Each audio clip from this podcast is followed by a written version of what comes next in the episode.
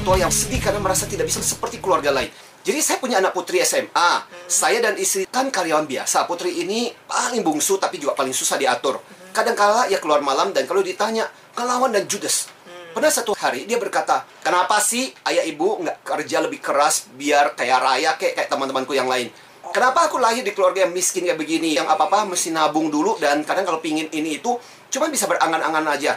Sebagai orang tua, Pak Antoni, aku merasa sedih loh karena merasa tidak bisa memberikan kebahagiaan. Oh, oh, oh. Terus ada orang tua yang anaknya nggak mau sekolah gara-gara sepatunya nggak bermerek. Oh, oh. Anakku di SMP di kawasan karyawan perusahaan. Jadi kami semua di satu kompleks besar lah. Nah di sini sudah sering terjadi persaingan antar karyawan. Betul-betulnya anakku satu hari nggak mau sekolah. Ternyata ibunya itu sempat beli sepatu KW Super. Padahal Biasa itu juga udah lumayan mahal loh. Tapi ternyata anaknya nggak mau karena pernah dicibir sama temannya. Dan sama dia tuh dimasukin ke hati. Sampai dia mesti dibujuk-bujuk buat pergi ke sekolah.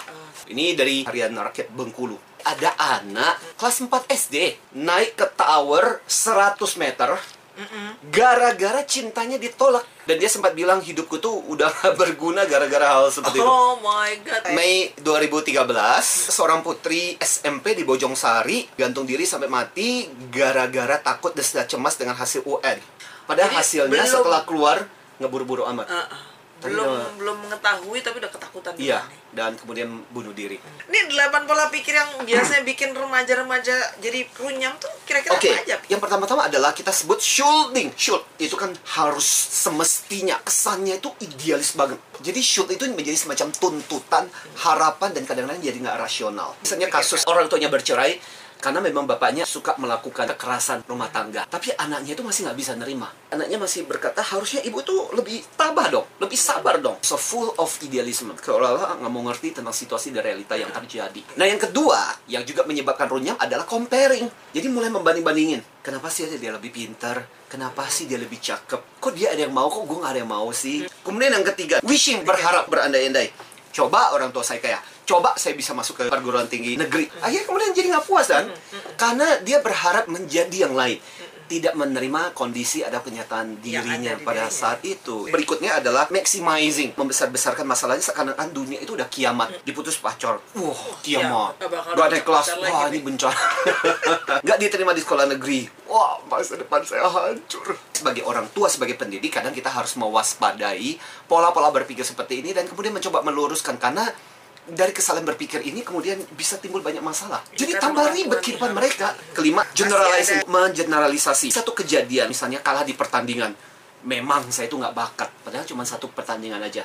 Ada orang yang sampai kalah berkali-kali, coba lagi, coba lagi, sampai akhirnya berhasil. Setelah generalisasi, personalizing. Membuat itu menjadi true personalized. Misalnya contoh kejadian, ya aku baca ya, kejadian di puncak. Jadi ada remaja, mereka jalan-jalan ke puncak dan di perjalanan itu ceweknya dong ngomong, ah dasar anak kere. Gara-gara dia ngomong dasar anak kere, itu pacarnya dibunuh loh. Jadi itu baperan. Kadang kan kita nggak bisa batasi orang ngomong-ngomong apa sama kita. Let's say lah ada yang mengkritik buku ini. It's just a book. It's not about me. Nah kadang-kadang kita nggak bisa membedakan antara buku ini atau aku. Sehingga ketika kritik terhadap buku dijadikan kritik terhadap aku. Anak-anak remaja kadang nggak bisa tuh bedain. Pokoknya kalau dia melakukan seperti ini berarti dia melakukan sama aku. Habis itu permeating, permeate. Permeating itu artinya merambah ke banyak hal. Misalnya gara-gara diputus pacar, nilainya anjlok. Oh, oke. Gara-gara diputus pacar kemudian jadi nggak mau lagi bergaul sama teman-temannya. Dan terakhir netting, negative thinking. Melihat sesuatu dari sisi negatifnya aja, kejadian dari negatifnya aja. Contoh dikasih kado lah, dikasih sesuatu. Dikasih nastar misalnya, ya dikasih Dikasih kue. kue, tar susu. Eh, terus Hmm, pasti ada papanya nih, pasti ada maunya nih.